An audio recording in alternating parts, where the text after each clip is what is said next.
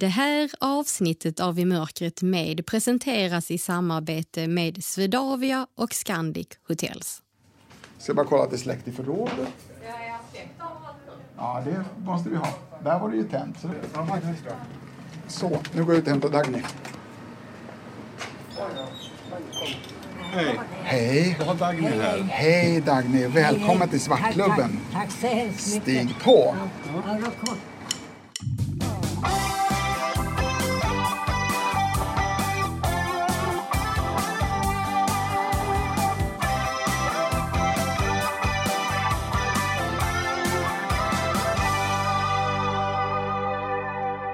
Välkommen till första avsnittet av I mörkret med.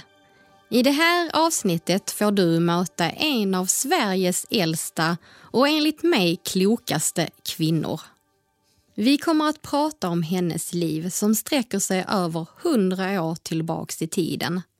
Det kommer bland annat att handla om samhällets förändringar, om äldrenormen och om mötet med och förlusten av den stora kärleken. Jag som programledare heter Anna Bergholtz. Du kommer även att möta Svartklubbens ägare Ulf Nordqvist. Ljudtekniker är Jan Dahlqvist. Det här är I mörkret med världens äldsta bloggare Dagny Karlsson. Hej Dagny! Hej, hej. Välkommen! Tack, tack. Ulf heter jag. Jaha, Hur mår du? jag mår jättebra. Ja, vad roligt att du kunde komma. Ja, Vi ska gå in i mörka rummet nu. jaha. Är du beredd på att gå in då? Så att... Ja då, ja. Ja, ja, ja. Då, då kanske du... Jag har något att hålla i så. Ja, men det har du. Du kanske ta ankrok med mig där. Ja. Så öppnar vi dörren.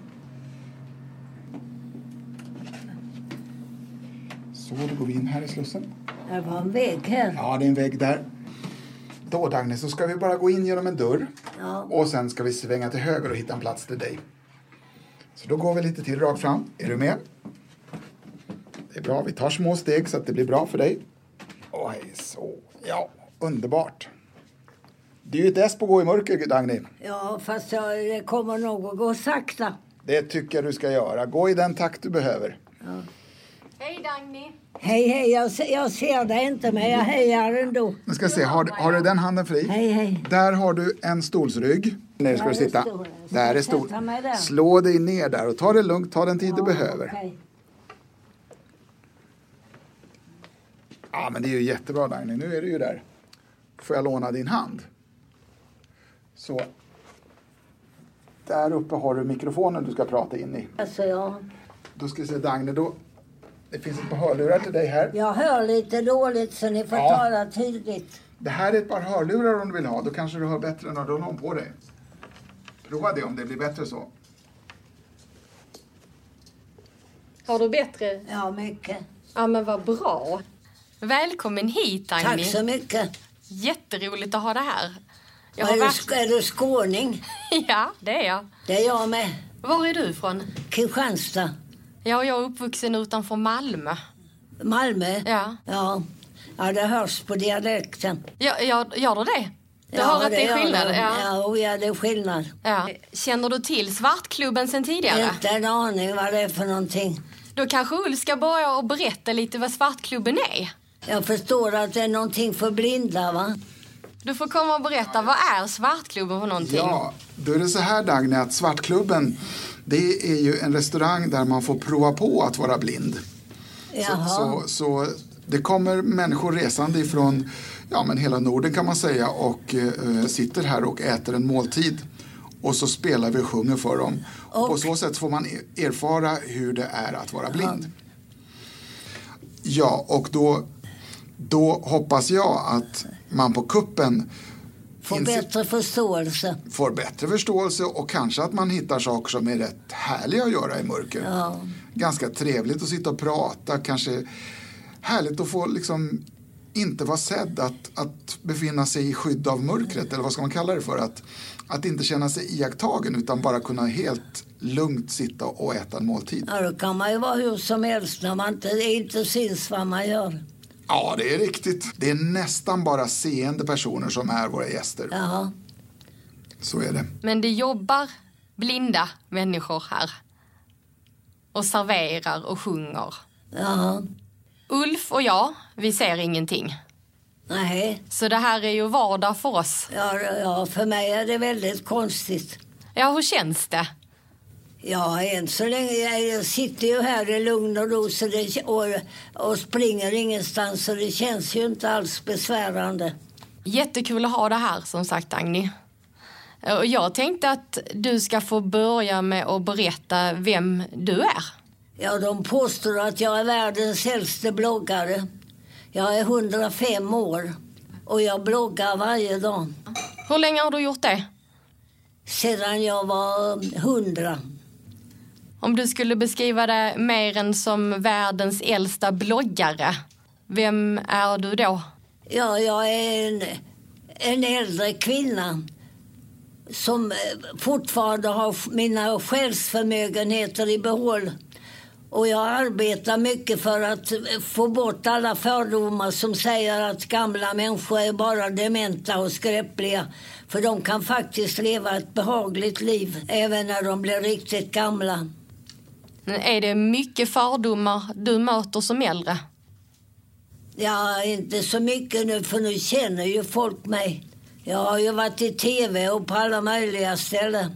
Men innan du blev känd, Ja, då var jag en vanlig eh, enkel eh, äldre dam som levde ett inrutat liv och inte hade så många vänner särskilt.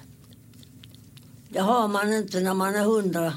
Jag har en kvar som, jag, som är 20 år yngre än jag så hon lever förhoppningsvis över mig. Annars är de flesta borta men om vi backar tillbaks i tiden Dagny. Ja. Eh, Du berättade ju att du är från eh, Kristianstad i Ja. Skåne. Ja. Kan du berätta lite om din uppväxt? Ja, jag växte upp som stora syster i en syskonskara på fem hade, kunde vi varit, men en bror dog. Med eh, tre min, mindre syskon. Och I ett eh, ganska enkelt hem. Men jag hade en, eh, en mamma som var väldigt förutseende när det gällde eh, kost och näring för jag fick bra mat. Och jag gick i skolan, och eh, först vanlig folkskola. På den tiden kostade det pengar om man ville fortbilda sig och gå i eh, det som nu kallas för gymnasium. Och de pengarna hade vi inte för min pappa han dog. Så det kostade att Det gå... kostade all, all ut, utbildning utöver folkskola fick man betala med privata pengar. I Kristianstad fanns det ett läroverk för pojkar och ett för flickor. Och där kunde, tog de studenten. Men det var ouppnåeligt för mig. Hade du velat plugga vidare? Ja, jag hade velat bliva någonting. Ja. Men man får inte alltid som man vill. Men vad hände när du hade gått ut så att säga grundskolan då? Ja, jag gick en handelsutbildning. Men det var ju depression när jag var färdig. Så det var omöjligt att få några jobb. Jag hade en kamrat som var liksom jag sökte arbete. Och till slut blev hon desperat och så sa hon det enda som finns det är om man vill gå och sätta sig på en skjortfabrik och sy skjortor. Och det gjorde vi båda två. Så du sydde skjortor? Ja, delar. De sydde en bit och det var, de del, sydde det som liksom på löpande band om man säger. Så var och en sydde en liten bit så gick det till nästa. Man fick ha samma bit jämt. Ja. Ganska enformigt. Ja, sen eh, såldes den eh, eh, fabriken till eh, Linköping.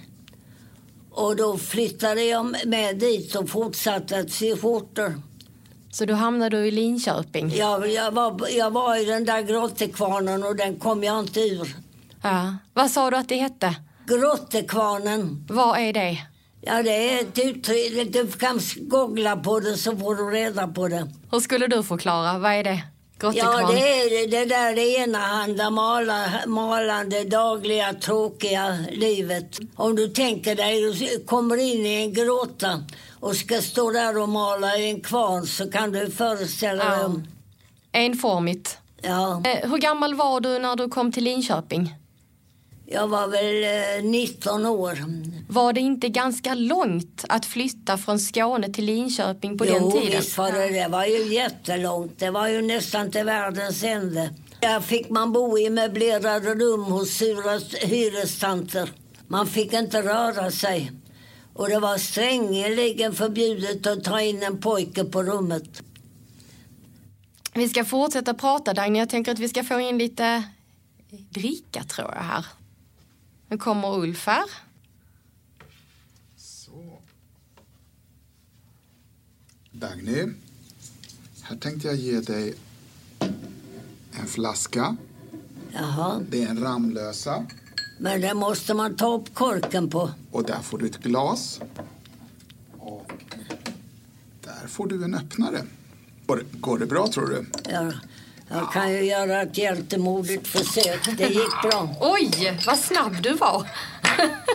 ja, och du häller upp nu eller? Ja, ja, ja, jag klarade den. Va, hur, eh, hur gjorde du när du hällde upp? Jag höll i glaset och höll i flaskan. Man får inte vara dum. Nej, men du, du stoppar inte ner fing, fingret i glaset för det är ett trick annars. Så man Nej, känner det gjorde jag faktiskt inte. Nej, du chansar lite. Ja. Ska vi se, vad har vi i öppnaren då till Jag mig? lyckades. Ja, det var imponerande faktiskt. Det är en del som tycker att det där kan vara lite klurigt. Dagny, Ja. sen kommer det två skålar här. Får du se om du kan känna vad det är i dem då.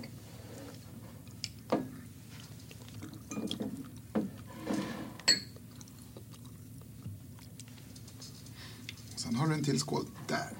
Känner du vad det är? Ja, det var sån där sega gubbar. Är det godiset du har fått? Ja, det var gott. Och så var där en skål till tror jag. Ja, det var, den har du där. Ja, någon kaka, ja. Med en liten klick i mitten. Ja. Känner du igen dem? Jag tror det. Ja. Gillar du eh, kakor och godis? Ja, jag vill ha en kaka till kaffet när jag dricker kaffe i alla fall. Ja. Ja det, jag är likadan faktiskt. Jag tycker det är jättegott. Mm, nu ska vi se om jag hittar eh, eh, öppnaren så jag kan öppna min flaska för min är inte öppen än. Nu ska vi se. Har du den där Dagny?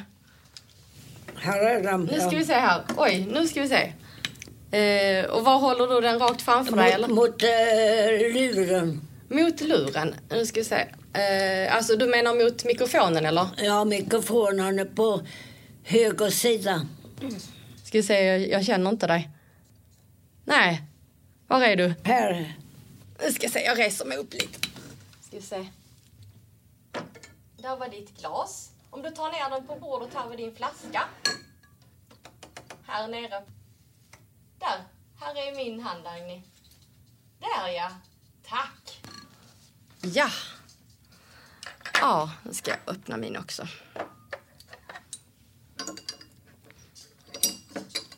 Kände du vad det var för godis? Ja, det var sånt där eh, gummiaktigt. Ja. Kan du gissa vad det är för gummiaktigt? Nej, jag vet inte vad det heter. Bilar. Jaha. Eh, du berättade ju när du var i Linköping och du bodde inneboende hos de här sura tanterna. Man fick inte koka kaffe på rummet, man fick ingenting. Ja, vad, vad, vad tänkte du om framtiden då? Ja, jag tyckte inte det var särskilt lysande.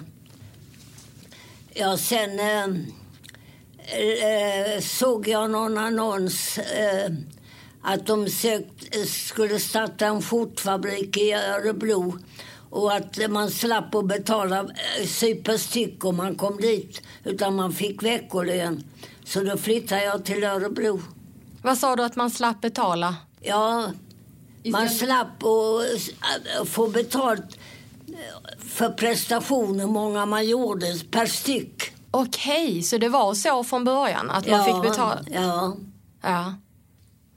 Och då flyttade du till Örebro? ja och bodde fortfarande i möblerade rum men hade turen att få lite bättre hyrestanter där.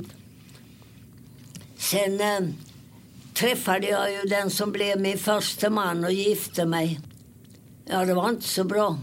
Jag visste att eh, min man var begiven på sprit när jag gifte mig med honom men han lovade dyrt och heligt att om han bara blev gift så skulle han sluta att supa.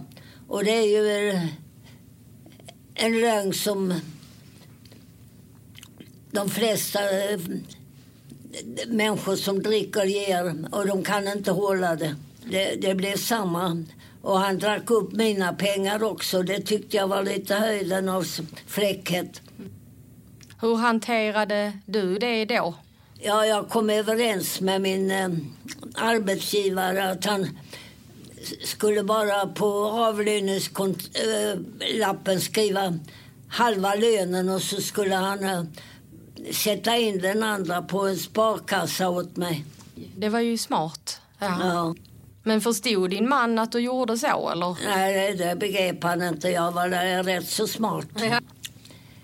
Sen lä läste jag att eh, det fanns eh, utbildning i konfektionsindustri i Norrköping. Det fanns ett institut där.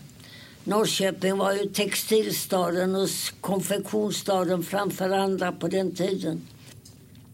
Så att jag sökte kursen där.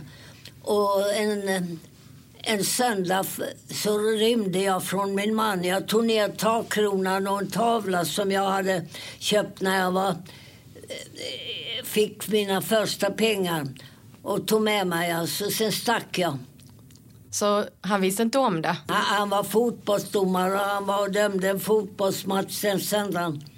Var fick du det modet ifrån? Ja, men man måste ju tänka sig för att antingen går två människor under eller bara en och jag tyckte det räckte med en. Ja, han var ju rätt snopen när han kom hem och jag var, fågeln var utflugen. Han visste ju inte var jag var. Men, men sen eh, eh, var han ju bekant med mina väninnors eh, män och sällskap så han fick väl reda på var jag var till slut. Han sökte upp mig en gång alltså. Och då eh, blidkade jag honom med att när, när kursen var slut så kanske jag kom tillbaka så han åkte snällt hem igen. Men det gjorde jag. Jag hade jag inte minsta tanke på. Jag gick ut som etta från den där kursen fast jag hade tävlat med bara 20-åringar. Så sökte jag jobb och fick jobb i eh, Sundbyberg som arbetsledare och chef på en konfektionsfabrik. Hur gammal var du då? Jag var väl 39 år. Och, eh, men sen gick ju eh, konfektionsindustrin i graven 1942. Då försvann alla konfektionsindustrier från Sverige och flyttade till Spanien för det var billigare sömmerskor där. Så då blev jag arbetslös. Vad hände med dig då? Jag var ju i Stockholm alltså. Så att eh, då ratade man, jag var 50 år faktiskt. Ja. ja. Då ratade man inte 50-åringar så jag gick till Arbetsförmedlingen och fick jobb på Försäkringskassan. Där blev jag eh, pensionsuträknare. Vi räknade ut pensionerna åt folk eh, på en vanlig räknesnurra på den tiden. Och där stannade jag till jag blev eh, pensionerad. Vi ska ta en liten paus och få höra lite musik, Dagny. Jaha. Då kör vi.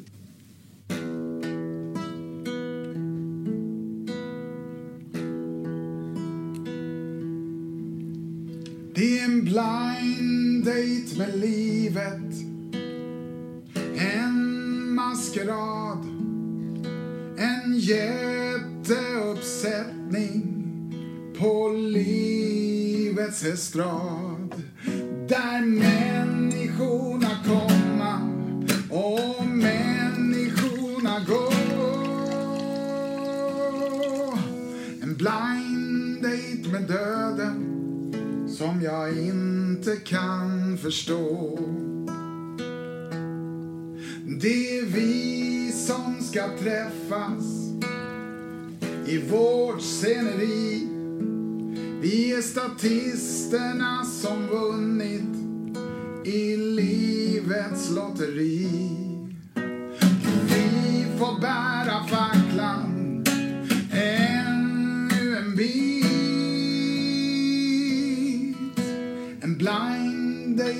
morgondag ifrån döden en respit.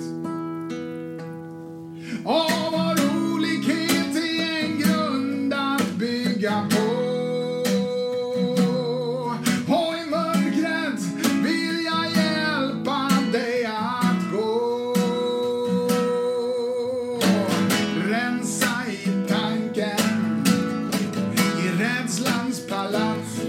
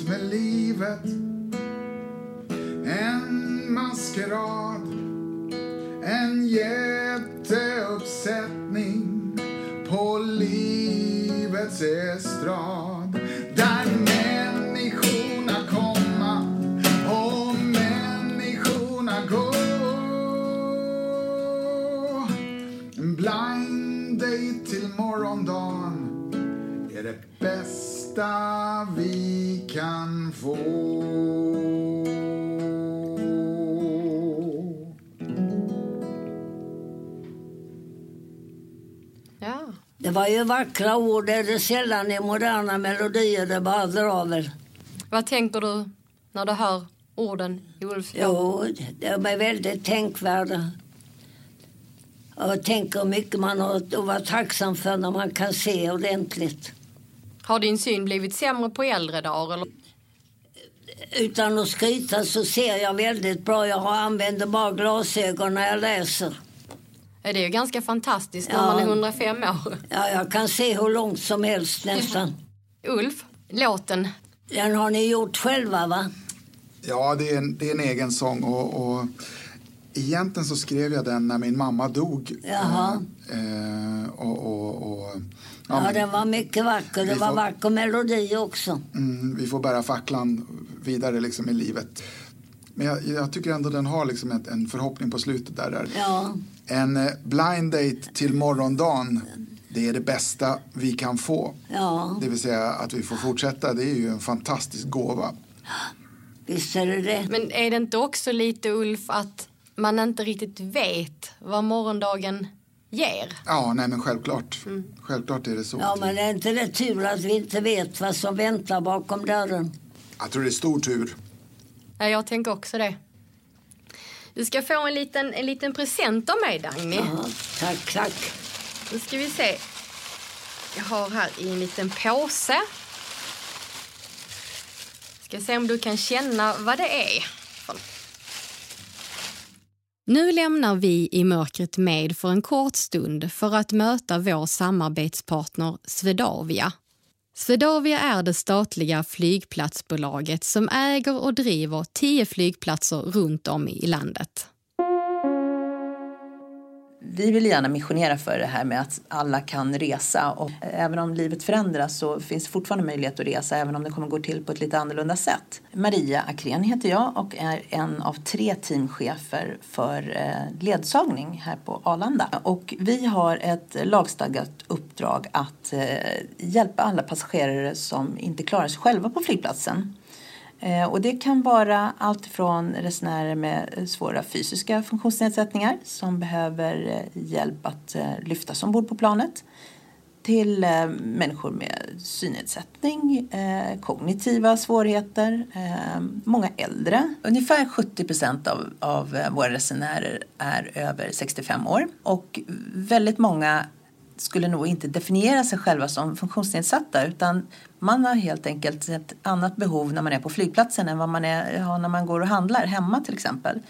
Därför att här är miljön mer utmanande. Det är svårare att hitta, det är långa avstånd, det är informationsintensivt, det kan upplevas som lite stressigt och det är mycket som står på spel. Eh, det får inte bli fel någonstans, man vill ju inte missa planet. Det är en utmaning att eh, vara på en flygplats och framförallt om man har lite svårt att gå eller svårt med balansen, eh, lite svårt att hitta, kanske svårt att ta till sig all information. Så att eh, vi finns till där för de som behöver lite extra hjälp helt enkelt. Vad är det för typ av hjälp som man oftast känner att man behöver när man är äldre? Ofta handlar det om det här med att gå långa sträckor. Man kan om man vill ha med sig en egen rullstol eller låna våran. Man kan också ha en rullator med sig. Det går alldeles utmärkt att gå med sin rullator ut till flygplanet och att vi hjälper till att eh, eh bära ner den sen till eh, lastrummet när man har gått ombord på sin flight. Och det är mycket om trygghet. Se till att man kommer till rätt gate. Om man vill ha mer information om hur det fungerar att resa med ledsagning så kan man gå in på svedavia.se och så välja den flygplats man ska resa från. Och sen går man in och läser på fliken inför resan. Nu ska vi se om jag hittar dig igen. Så se om du tar fram din hand här Dagny vid skålarna ungefär. Här är den. Åh, oh, det är för långt bort. Jag reser mig upp igen. Nu ska vi se. Där känner du. Ska se om du kan känna vad det är för någonting. Ja, det är någon metallsak som är... Känner du vad det är för form? Jag försöker. Den är rundad i den ena änden, sen är det som en liten bukt på den och en rundad spets. Men jag vet inte vad det är. Nej, jag kan eh, ge dig en liten ledtråd. Kärlek. Tack. Vad kan det vara Ett då? Ett hjärta. Precis. Ja, när jag, jag känner efter så är det ju hjärtformen. Eh, någon form av, eh, om det är sten eller lite, något trä? Ja. Eh, lite metalliskt känns det. Ja, det gör det nog. Jag läste ju din bok. Jag har ju sett dig också mycket i media när du har berättat om ditt liv. Och eh, jag skulle ju vilja att du berättar om din stora kärlek, för det kom ju sen, eller hur? Ja. Vad hände när du, ja, när jag hade kommit till Stockholm så visste jag ju egentligen inte var jag skulle ta vägen och vad jag skulle göra av min fritid. För jag kände ju ingen människa. Men jag visste att det fanns någonting som hette Gröna Lund så jag gick dit en, eh, en lördag och ställde mig till påseende vid dansbanan som kvinnor får göra och blev uppbjuden av en snygg kille som dansade riktigt bra. Och sen bjöd han mig på kaffe efter dansen och eh, vi bestämde att vi skulle träffas dagen därpå som var en söndag. Då bjöd han mig på restaurang. Och sen eh, blev vi eh, tillsammans. Och det var Harry? Det var Harry, ja. Mm. Var det kärlek vid första ögonkastet? Ja, jag gillade honom med samma. Han var lugn, trygg och så var han väldigt humoristisk. Humor eh, uppskattar jag i hög grad. Han var inte särskilt pratsam, men man kan förstå människor utan att babbla en massa också. Jag sa till honom en gång, kan du, inte, du kan väl prata lite? Vet du vad han sa? Nej. Allt är redan sagt. Ja. ja. Han tyckte det, det var meningslöst att babbla. Gifte ni er eller? Jag var ju inte skild.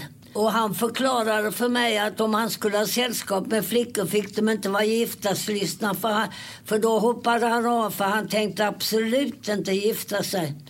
Och så vi var ju rörande överens om att vi kunde umgås alltså.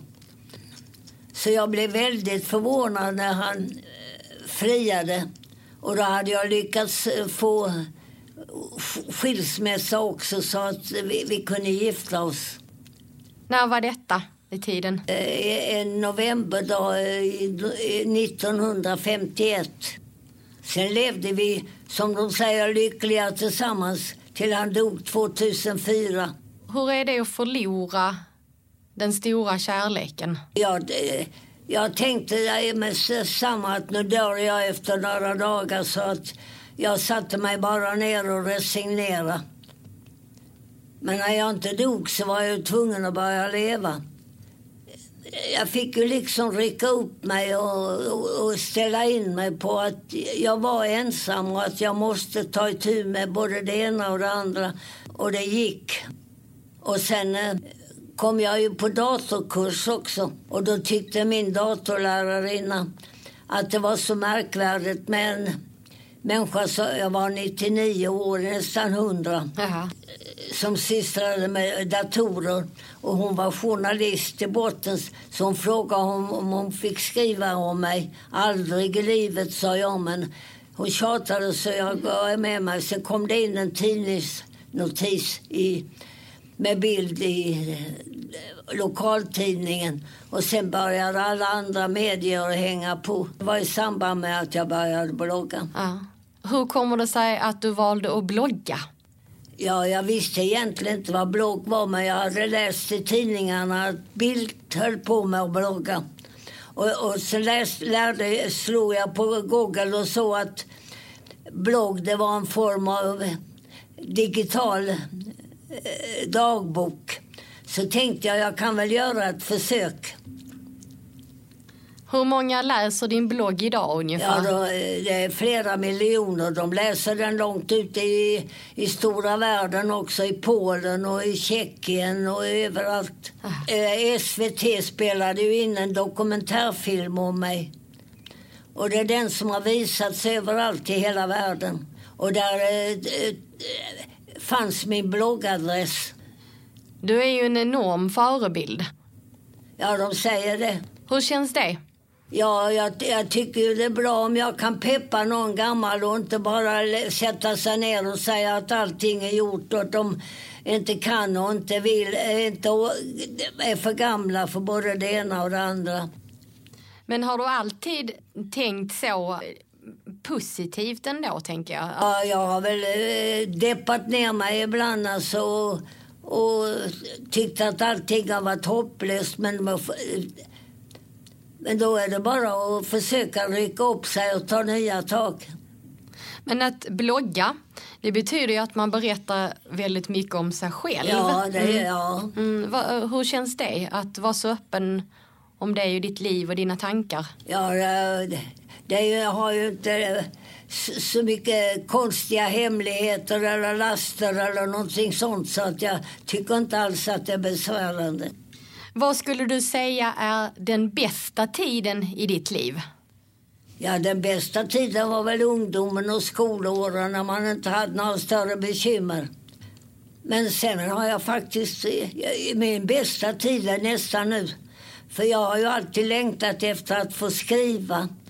Men alltid tyckt att alla andra skrev bättre och var duktigare än jag.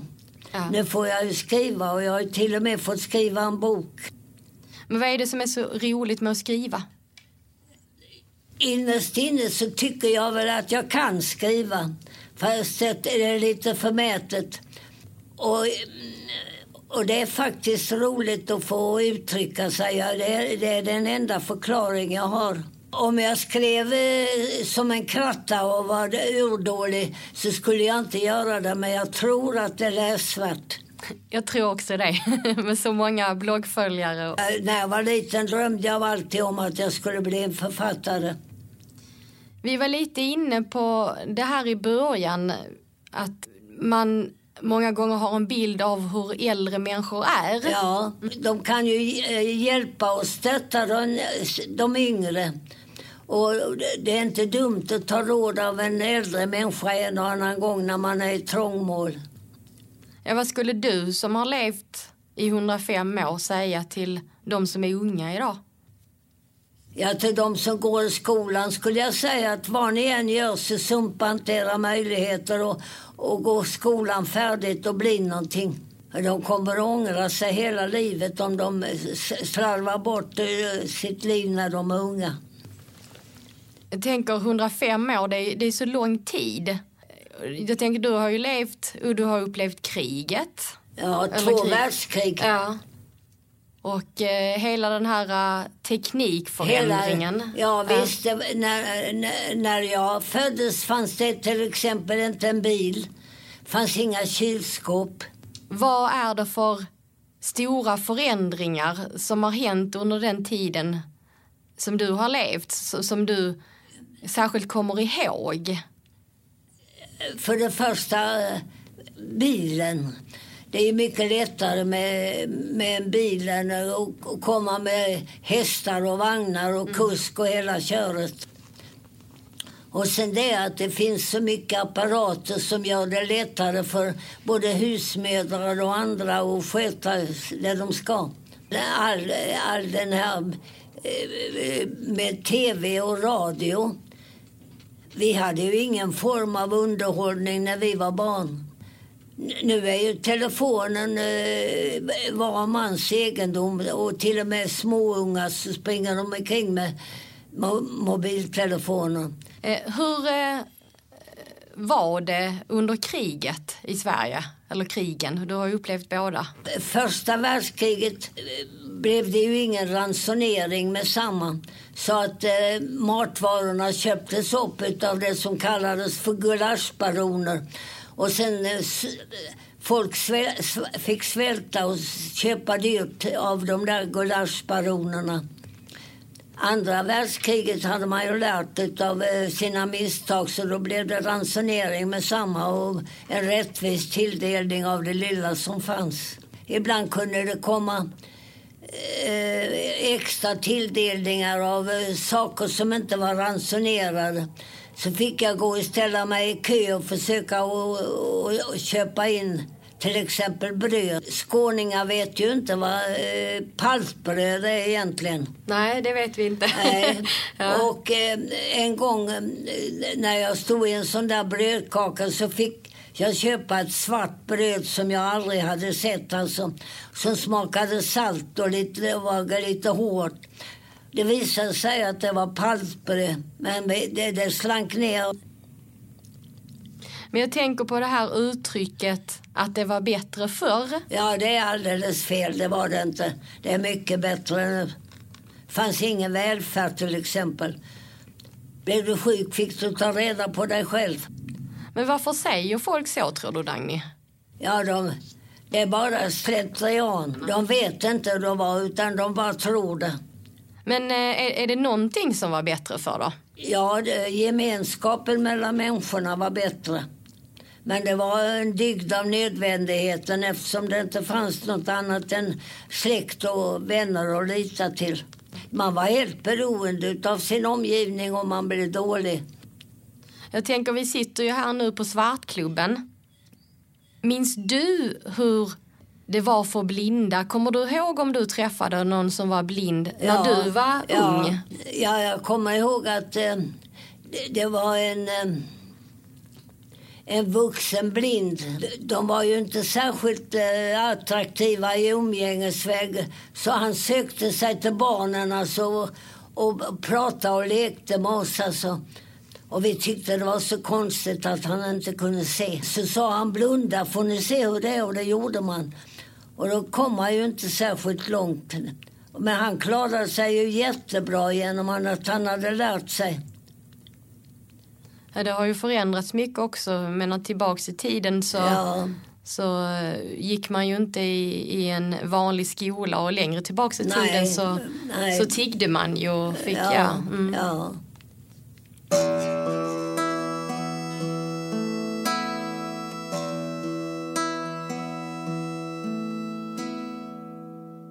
Ett stort tack till vår samarbetspartner Scandic Hotels. Hotellkedjan med allergianpassad frukost, rullstolar på alla hotell och nu även promenadskotrar på utvalda hotell. Scandic Hotels är hotellkedjan som vill att alla ska känna sig välkomna oavsett funktion.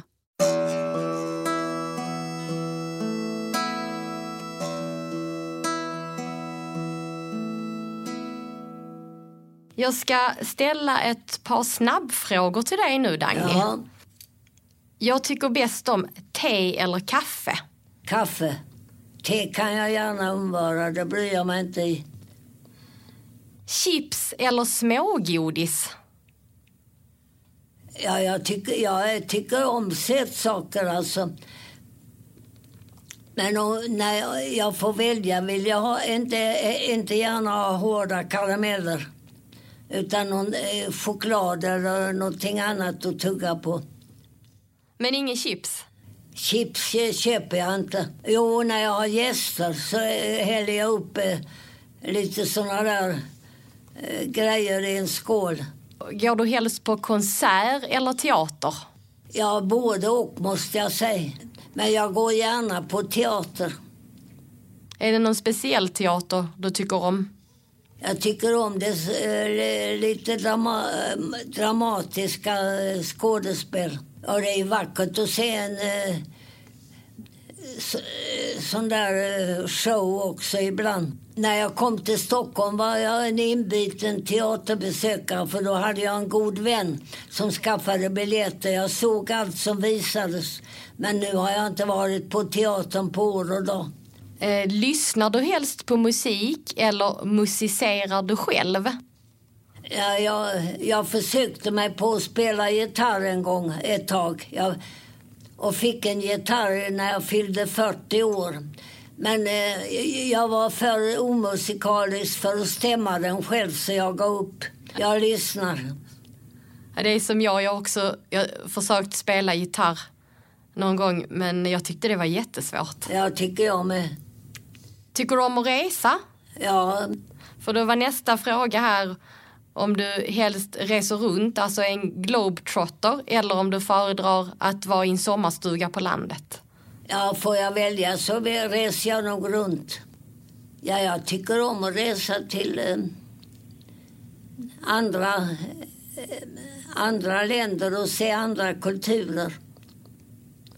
Jag har varit både i Afrika och eh, i Amerika och i Asien också. Det måste ju också varit en sån sak som har förändrats under ditt liv. Oh ja, För det fanns väl inte flygplan när du var liten? det va? fanns inga flygplan. Nej. Tåg fanns. Tv-program, ser du helst Debatt eller Idol? Eller? Idol, Ja, men jag ser hellre debatten. det gör du ja. Ja. Mm, varför det? Jo, för idoler tycker jag är ganska uppblåsta. Det är inte mycket att titta på. Upplåsta. Ja, Mm, hur menar du då? ja de är lite märkvärdiga och tycker de åstadkommer någonting. De flesta är likadana, de står och gapar. Du gillar inte modern musik eller? Nej, jag tycker den är entonig och dunkig. Tacka vet jag en symfoniorkester. Vad äter du helst? Kött eller vegetariskt? Ja, både och. Jag tycker man ska ha lite blandad kost. Fast det blir nog tyvärr eh, lite övervikt på köttsidan. Men lagar du vegetariskt också eller? Uh, numera lagar jag ingen mat, det har jag överlåtit åt Findus. Ja. Ja, jag köper de färdiga rätterna och de är faktiskt riktigt bra. Snyggt upplagda och ganska smakliga också. Vad föredrar du att umgås med barn eller vuxna? Ja, vuxna eh, har man ju mer utbyte av, men det är roligt att leka med barn. Du fick aldrig några egna barn? Nej, när jag var gift mig första gången tyckte jag inte han var en värdig pappa så jag ville inga ha. Sen tyckte jag jag var för gammal när jag gifte mig andra gången. Då var, då var det suspekt av 40-åringar att föda barn. Ja, det är inte ovanligt idag ju. Nej, nu är det mycket vanligt. När de har gjort karriär så föder de barn. Men hur tänker du kring det att det aldrig blev några barn? Jag tänkte det var väl inte meningen att det skulle bli några heller. Jag är så barnslig själv så det får räcka. Va, vad är det som gör att du är barnslig, tycker du? På något sätt gillar jag barnens syn på tillvaron. De, de, de lever i nuet och, och försöker ha roligt så mycket de kan. Och så, och så är, är du också, Ja, du? det jag, jag avskyr att ha tråkigt. Vad föredrar du då? Att träffa nya människor eller gamla vänner? Ja, det är roligt att träffa nya människor. Vad är det som är roligt med det tycker du? Ja, men de har ju, en, eh, de har ju en helt eh, annan eh, syn på tillvaron än vad gamla stofiler har. Man får nya perspektiv tänker du? Eller? Ja, visst. Ja, vad föredrar du? Katt eller hund? Jag tror hunden, för han är lite trognare. Gillar du djur? Ja, det gör jag. Men jag har inte velat ha några för att om man ska resa det är väldigt svårt att ackorderera bort dem under när man ska ut och, och fara någonstans. Och nu tycker jag jag är för gammal för, för då överlever katten eller hunden mig. Och så vet man inte vad som blir av den stackaren. Jag tycker inte att gamla människor ska skaffa sig djur. Det är inte djurvänligt. Men är du uppvuxen med djur? Nej. Det var hundskatt när jag var barn. Hundskatt? Jajamensan. De fick betala skatt för de hade hund. Ja. Ja, det är mycket som har förändrats. Oh ja. Ja. Då får du en sista snabbfråga här då. Skriva eller läsa? ja det, jag tror jag skriver helst. Jag tänkte nästan det. Vi ska börja avrunda, Dagny. Hur länge tror du att vi har suttit här nu i mörkret? En halvtimme. Ska jag berätta för dig hur länge vi har suttit här? Ja. Dubbelt så länge faktiskt. Oj, ja, det har känts som en halvtimme. Ja, men det, det, det är väl bra? Ja. Ja. Så, då, har- då har det inte känts långtråkigt i alla fall. Nej då. Ja. Hur känns det nu då när du har suttit här en timme? Ja, jag mår fullkomligt bra. Ja, det, det känns ju lite främmande för att inte se någonting. Och, och när jag öppnar ögonen är det kolsvart. Ja, det går verkligen inte att se någonting här inne har jag förstått. inte ett dugg. Ja, Dagny, 105 år, Va, vad tänker du om framtiden nu? Ja, jag har ju ingen framtid. Det är ju bara begravningen som väntar. Det vill jag inte alls tänka på.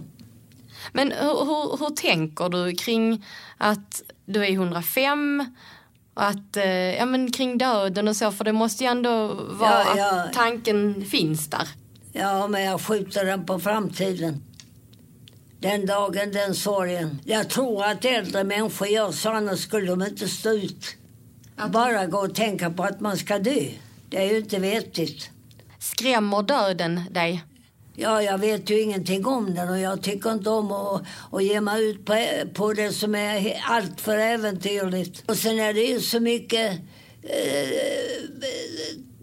tal om tro och inte tro och om eh, man ska tro på paradiset, men det gör jag faktiskt inte.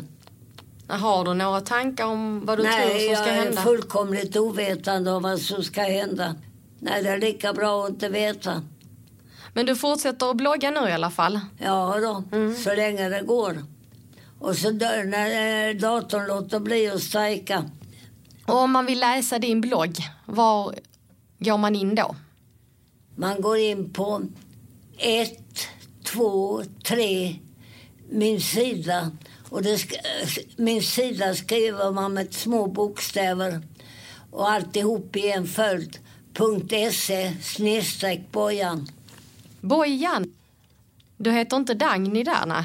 Nej, Bojan, vad är Bojan? Är det ett jag är smeknamn? döpt till Dagny Valborg. Jag hade hellre hetat Valborg så jag kallar mig för Bojan. Pappa kallar mig för Bojan. Han brukade skämtsamt sagt Dagny Räliga stygga däga.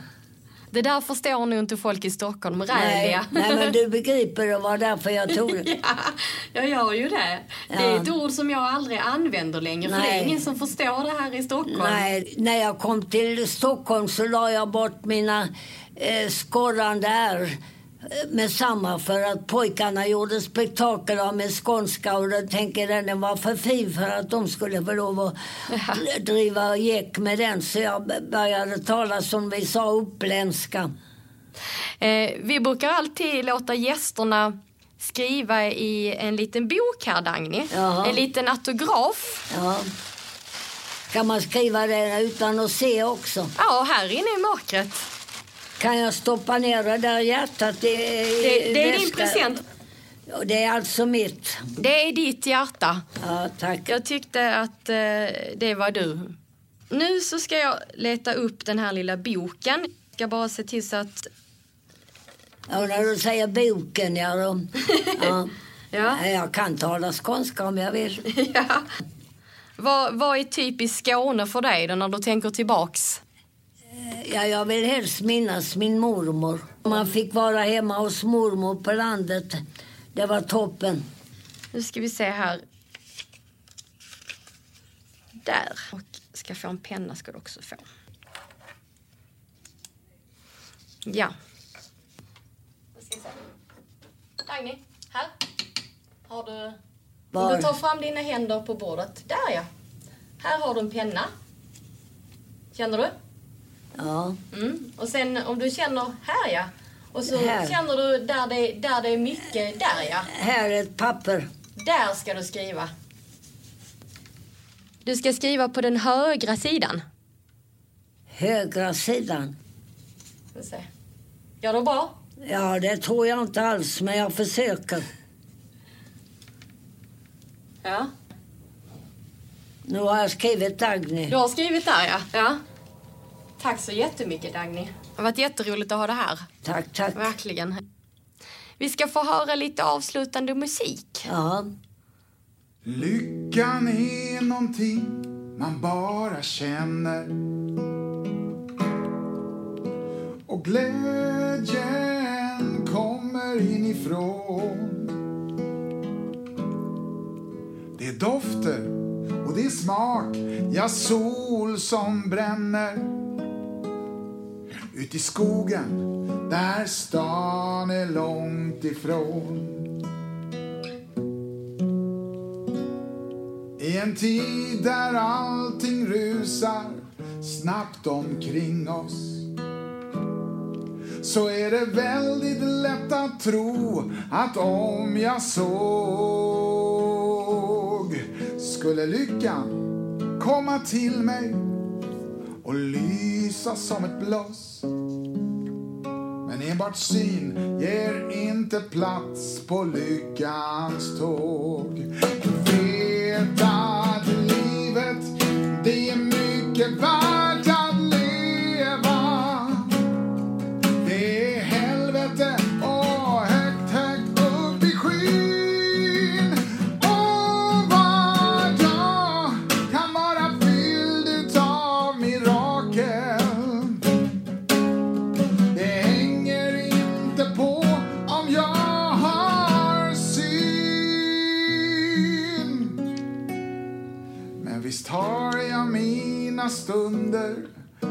utav klagan. Och ibland så vore ögon bra att ha. Tänk så lätt, ja tänk så enkelt, just som i sagan. Men du, det vore faktiskt inte jag. Vet att livet, det är mycket värt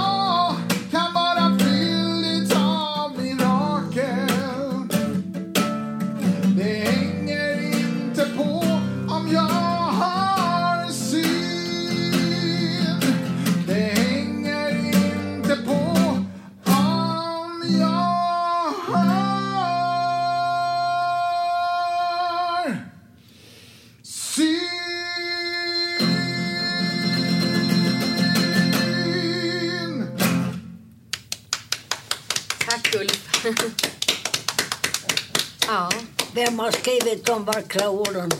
det är Ulf. Han har skrivit Ja, ja. många fantastiska låtar, eller hur Ja, Ulf? verkligen. Tack för att du har lyssnat. Och tack till våra samarbetspartners Swedavia och Scandic Hotels. Vill du får du jättegärna höra av dig till oss. Kanske har du förslag på gäster som du vill lyssna på i Mörkret med. Vi har en e-post som är hej i mörkretmed.se. På sociala medier finns vi under hashtag i mörkret med. Och följ och gilla oss gärna på Facebook. Vi hörs igen om två veckor.